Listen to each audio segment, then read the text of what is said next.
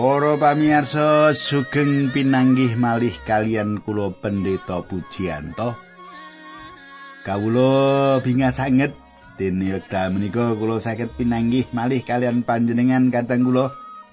Kados pundi dinten menika menawa panjenengan sae-sae bingah nggih. Wah, diberkahi Gusti. nggih. Menawi kados mekaten panci Pak kula ndongaaken sedaya ingkang mirengaken adicara menika. Ing dinten menika dados dinten ingkang endah dinten menika dados dinten ingkang kebak kabejan. Iki awit panjenengan dipun kanthi dening Gusti Allah. Nanging menawi panjenengan ing wanci menika ketinggalipun radi kathah momotan gesang ora sah ngelokro awit panjenengan tasih gadah kegiatan inggih menika Gusti ingkang panjenengan sendeni ing gesang menika Kulo pendeta Pujianto badhe ngancani panjenengan sawetara wekdal menika wonten ing adicara margi utami. Kita badhe sinau kayektosan kayektosan ingkang dipun pratelakaken ing kitab suci kita menika sugeng midhangetaken.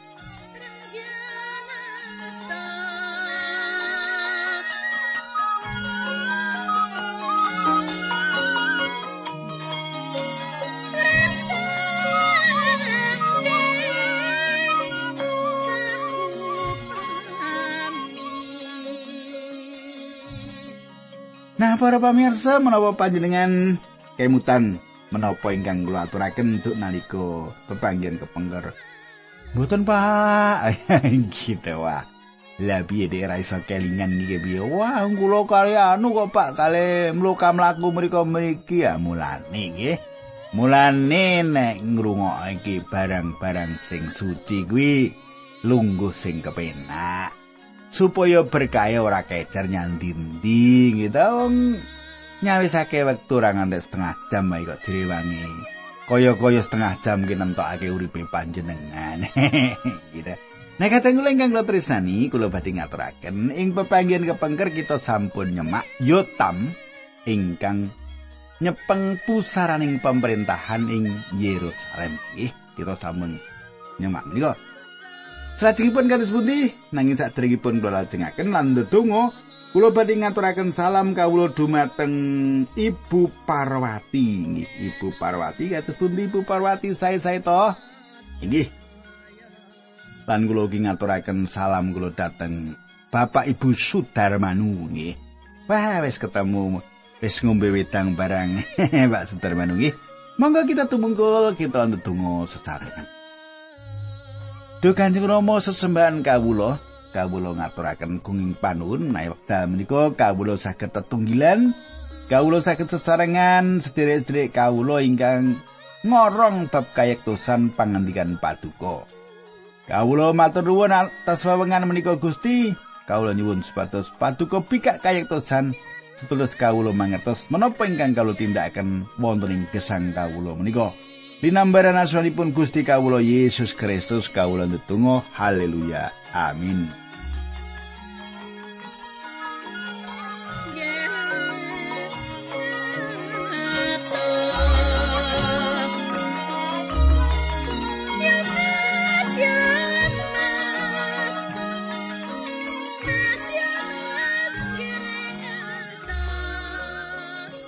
Para pamirsa pasinaon kita samenika lumebet ing kitab Kalih Para 16. Iki. Pasinaon kita sampun lumebet Kalih Para bab 16. Kula badhe masaken ayat tunggal ngantos tiga rumiyin nggih. Nalika Raja PK bin Remaya anggone jumeneng raja ing Israel nyandak pitulas taun, Akas bin Yotam wiwit jumeneng raja ing Yehuda. Nalika semono Ahas yuswane 20 taun dedalem ing Yerusalem. Anggone jumeneng raja suwene 16 taun Ahas nindakake piolo ing ngarsane pangeran alae ora kaya Daud leluhuri. Sing ditiru raja-raja ing Israel malah putrane dhewe didamel korban marang brahala kaya adate wong-wong sing padha ditundung dening Allah saka negara Kenaan nalika Israel mlebu ing tanah mau. Para pamirsa, Raja Pekah nyepeng pangwaos kalih dosa taun Saderengipun dipun pejahi.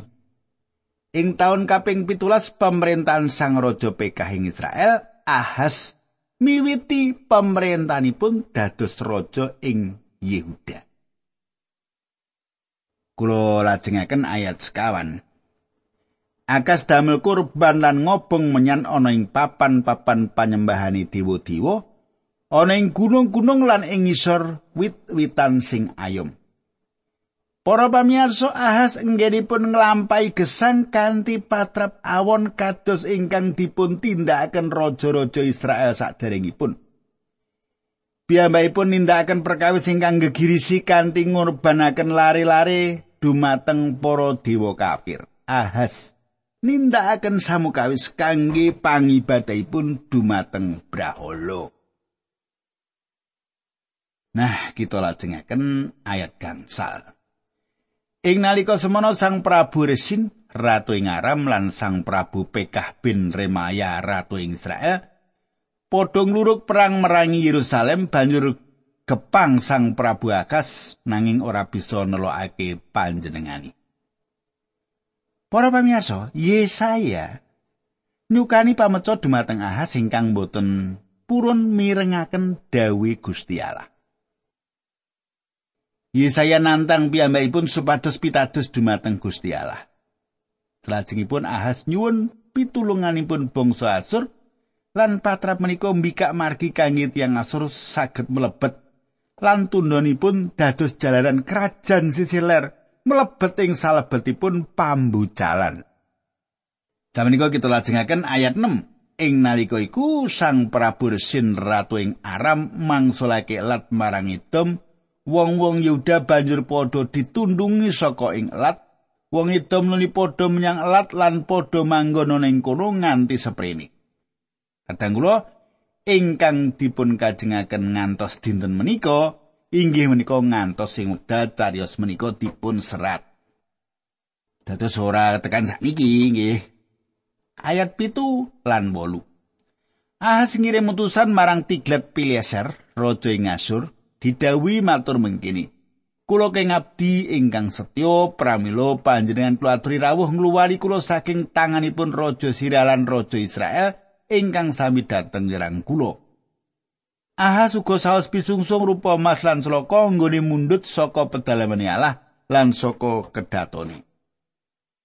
Kadang kula dados tiang Asur dipun beseli.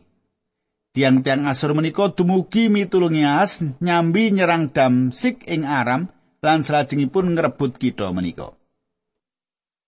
Ayat sedoso nalika Raja As ana ing Damsik sowan Raja Tiglat Pileser pirsa mesbeh. Raja As banjur ngintunake contone mesbeh mau lan princene ukurane marang Imam Uria ing Yerusalem. Kadang kula Piyambakipun kepingin mesbeh menika dipun tiru lan dipun adekaken ing pedalamanipun Gusti Allah. Sawetawis menika Yesaya mencoba piyambakipun lan lumawan menapa ingkang sawek dipun tindakaken. Ayat pitulas. Kereta-kereta prunggu sing ana ing pedalamane Allah uga dirucati dening Raja Ahas. Semono jembangan-jembangan sing ana ing kereta mau, jembangan prunggu sing disangga sapi prunggu rolas iya dijupuk lan diselake ing landesan watu. Kadang kula ahas ngatingalaken anggenipun ngremehaken pedalamanipun Allah ingkang yektos lan gesang. Ayat 12 ngantos kali dosa. Lan maneh kanggo nuruti kersane Raja Asur bangsa raja ing pedalamane Allah dibongkar dening Raja As. Semono lawang sing khusus kanggo mlebu raja ditutup. Lelakone raja asli aliyane wis katulis ana ing kitab sejarah raja-raja Yehuda. Raja Ahas sedolan kasarake ing pesareane raja-raja ing kutani Daud, Hizkia putrane gentosi jumeneng raja. Nakatang kula kita sinau ing mriki pratingkah dados pemimpin iku dituruti karo sing dipimpin.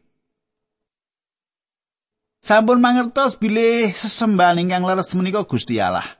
Nanging Raja Ahas ora mengkono.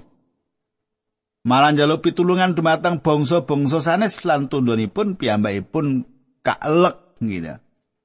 kapangan pindah, katelo akan pindah malah dadi bawani raja-raja manca menika. Nah, kados pundi kita kala-kala dipun uji iman kita wonten kahanan-kahanan ingkang angel supados menapa supados Gusti Allah mirsani wonten pundi kita badhe melajeng nalika kita ngadepi kasisahan-kasisahan. Dipun uji kita. Nah, kadang kula kula lajengaken. Ah sampun ngerampok isinipun pedalamanipun Allah. Lan mendhet sedaya lukisan-lukisan ingkang indah ing pedalaman Allah. Pasal menika dipun tutup pecahipun Sang Raja lan pasal menika ugi nyerat bilih larinipun ingkang nami Yeskia nyepeng pemerintahan sasampunipun tilaripun Ahas. Salajengipun pasinan kita lumebet ing kalih para raja pitulas. Inggih menika ingkang dados jalaran kenging menapa Gusti Allah ngidinaken bangsa Israel mlebet ing salebetipun pambujalan. Inggih menika mboten bangun turut dumateng Gusti Allah ayat 13. Gusti sampun ngimutaken dumateng tiang Israel lan dumateng tiang Yehuda kanthi pantoro sedaya nabi. Siro padha balio saka ing dalan-dalanira kang ala iku lan lestario padha nindakake dawuh lan peranatan ingsun laras kalawan saking angger-angger kang wis sun paringake marang para leluhur kang wis sun paringake lumantar para abdi ingsun para nabi Selajengipun boten kumandel dumateng Gusti Allah ayat 18 panjenengan semak ugi kali babat 36 ayat kang 11 ngantos 16 Nanging Israel lan Yehuda padha ora gelem ngrungokake malah padha mbangkang kaya para leluhure sing padha ora gelem percaya marang pangeran Allah. Lajeng lumawan dumateng Gusti Allah ayat kang 11. Bangsa menika nampik nindakaken taun-taun sabat sadangunipun kawan atus sangang puluh taun. Kadang kula ingkang kula tresnani kaya mengkono kelakon temenan apa sing dingendikake dening pangeran lantaran Yeremia yen tanah Yuda bakal bero suwene pitung puluh tahun minangka lirune tahun-tahun sabat sing ora tau ditetepi dening umat Israel. Panjenengan saged maos kali babat 36 ayat selikur.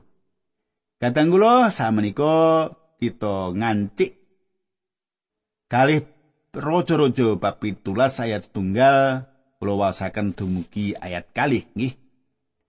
Nalika asenggone jumeneng raja ing Yuda nyandak rolas taun, usia ben Elawi jumeneng raja ing Israel, dedalem ing Samaria, nggone jumeneng raja suwene sangang taun.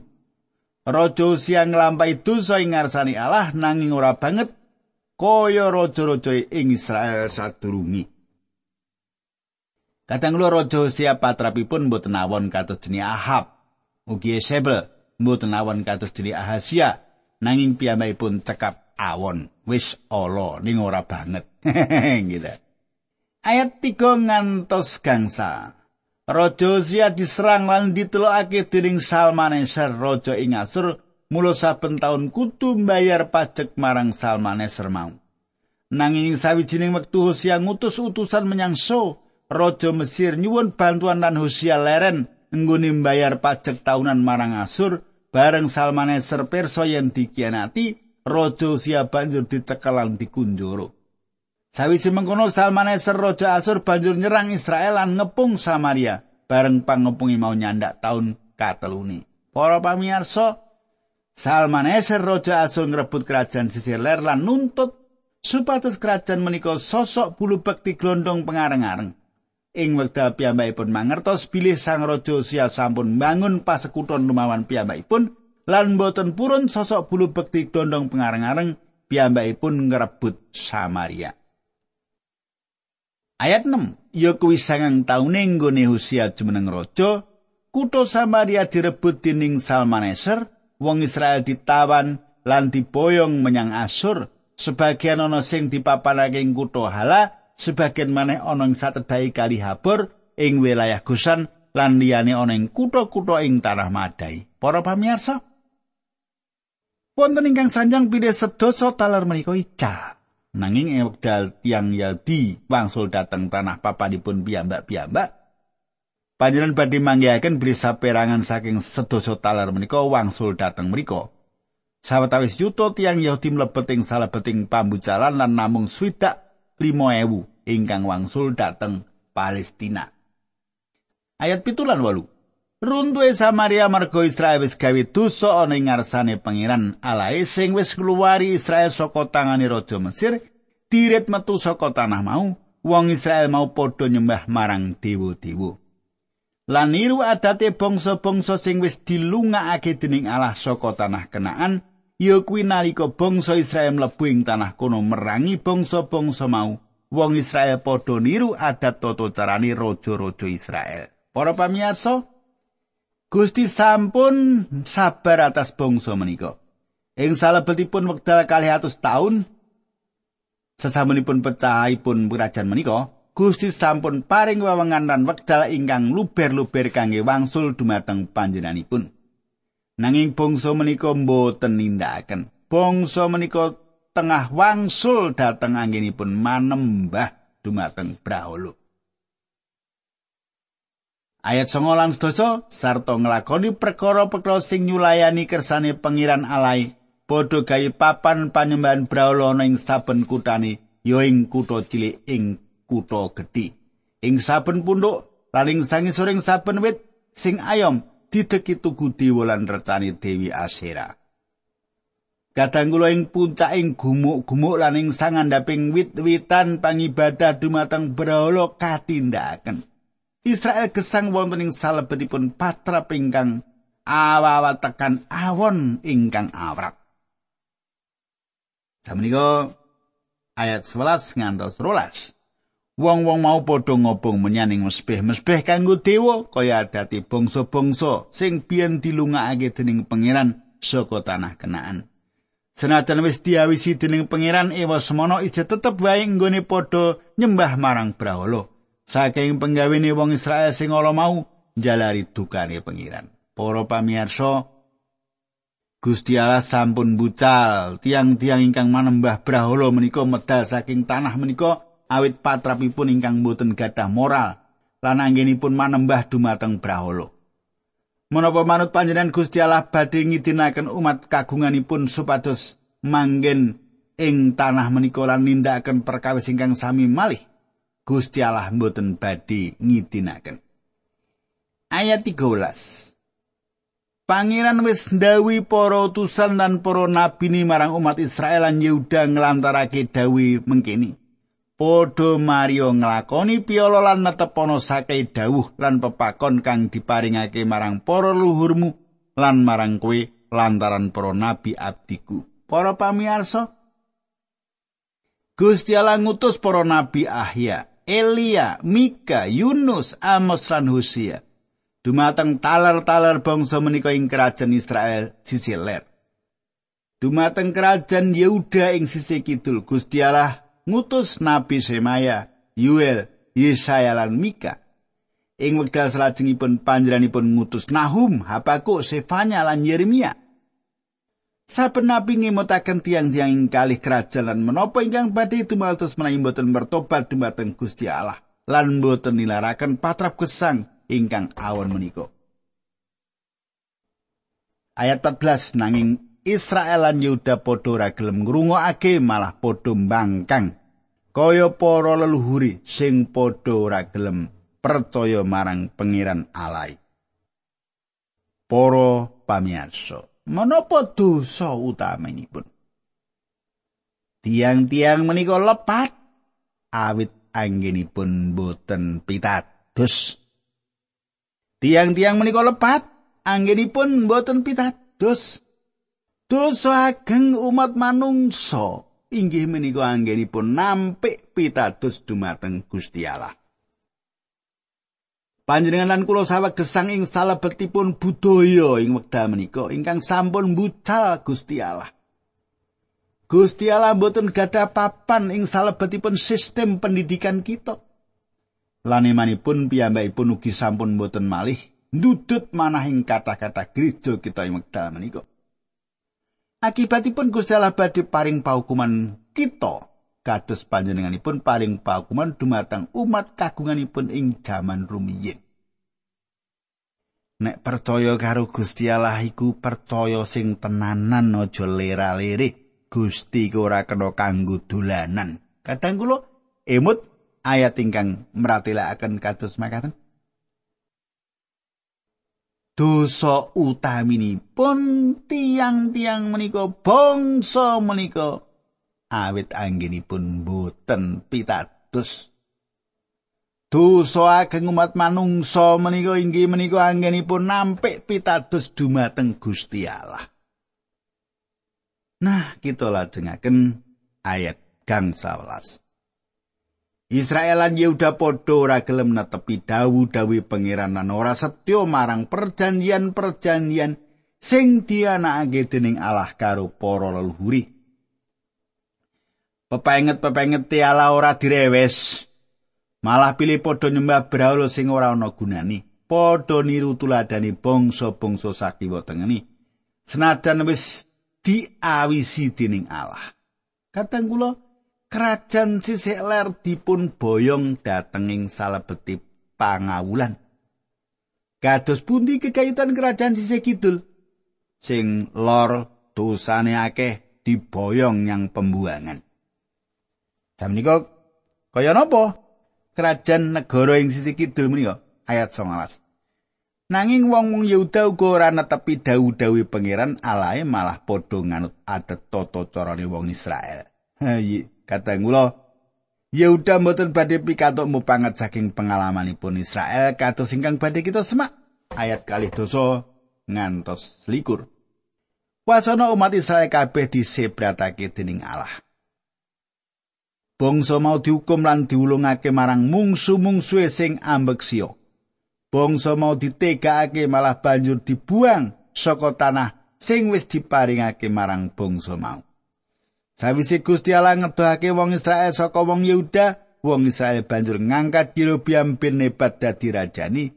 Yerobiam banjur damel odo-odo ngedohake saka Allah lan nglampahi dosa-dosa gedhe. Panjenengan tasih kemutan bilih Yerobiam ngesahaken pamujan dumateng reca pedet mas. Nih, minangka raja disahake nyembah brahala ngaten iku. Wah, raja apa iki ta? Ayat kali likur ngantos tiga likur. Wong Israel niru marang tuladan Yerobiam lan ngelakoni sakai panerake Yerobiam. Nganti wekasane Gusti Allah ora kersa menggalih marang wong Israel, malah banjur dibuang saka tarah sing wis diparingake marang bangsa mau. Wi cocok karo pangandika sing wis diparingake dening Gusti Allah lantaran para abdine, ya kuwi para nabi. Kaya mengkono wusarane wong Israel padha kabuang menyang Asur lan padha manggon ing kono nganti seprene. Panjenengan pirsa ingkang dipun kersakaken nganti seprene inggih menika ing wekdal kitab kalih para raja menika dipun serat. Ing wekdal sang raja Asur mboyong tiang-tiang kerajaan sisih ler ing papan pambujalan. Piyambakipun nglebetaken bangsa sanes supados ngenggeni tanah menika. Daerah kerajaan sisih ler dipun sebat Samaria. Tiang Samaria ing salebetipun perjanjian inggal satunggalipun turunan saking penjajah ingkang dipun beto mlebet dening sang raja Asur. Samnika ayat 6 likur, 7 likur, 8 likur. Makaten surasipun Raja Asur diaturi pirsa yen wong-wong Asur sing dipapanake ing kutha-kutha Samaria padha ora ngerti pernatan-pernatane dewani negara kuno. Mulane dewa kuno banjur nekake singa sing mangsa wong-wong neneka mau. Kuwi sebab Raja Asur banjur dawuh supaya ana imam saka antarané wong tawanan sing diboyong menyang Asur dibalekake menyang Samaria. Pangandikane Sang Prabu, imam kuwi bali menyang tanah Samaria supaya ngandani wong-wong bab pernatan-pernatane dewani tanah kuno. Mulane ana imam Israel sing wis diboyong saka tanah Samaria menyang Asur dibalekake meneh lan manggon ing Betel. Ana ing kono imam mau mulang rakyat bab patrape menyembah marang Allah. Nanging wong sing padha manggon ing Samaria tetep nyembah brahalane dewi-dewi. Brahala-brahala mau didokake ana ing tilas papan panyembahane brahalane wong Israel. Saben golongan padha gawe brahalane dewi-dewi ing kutha sing dinggoni. Kadang kula cariyos menika nuntun kita ing pungkasan saking kerajaan Siler, tanah menika dados satunggalipun campuran maneka warni bangsa lan kathah dumados perkawis campur sedaya suku mboten badhe malih bangun kerajaan Siler samenika sampun kocar kacir nanging bangsa menika mboten ical. Kadang kula monggo kita tumungkul kita ndedonga sarengan lan kita lajengaken wucalan menika wonten ing dinten candhaipun. Monggo kita ndedonga. Gusti Allah Kawula matur nuwun pangandikan paduka saged kawula sinau. Kawula saged sinau bab iman saking sederek-sederek kawula ingkang dados pangwaos sing jaman semanten. Kawula mengatos menawi kawula caket kalian paduka kamimbangan gesang badi kawula raosaken. Dinambaran asmanipun Gusti Yesus kawula netunggal. Haleluya. Amin.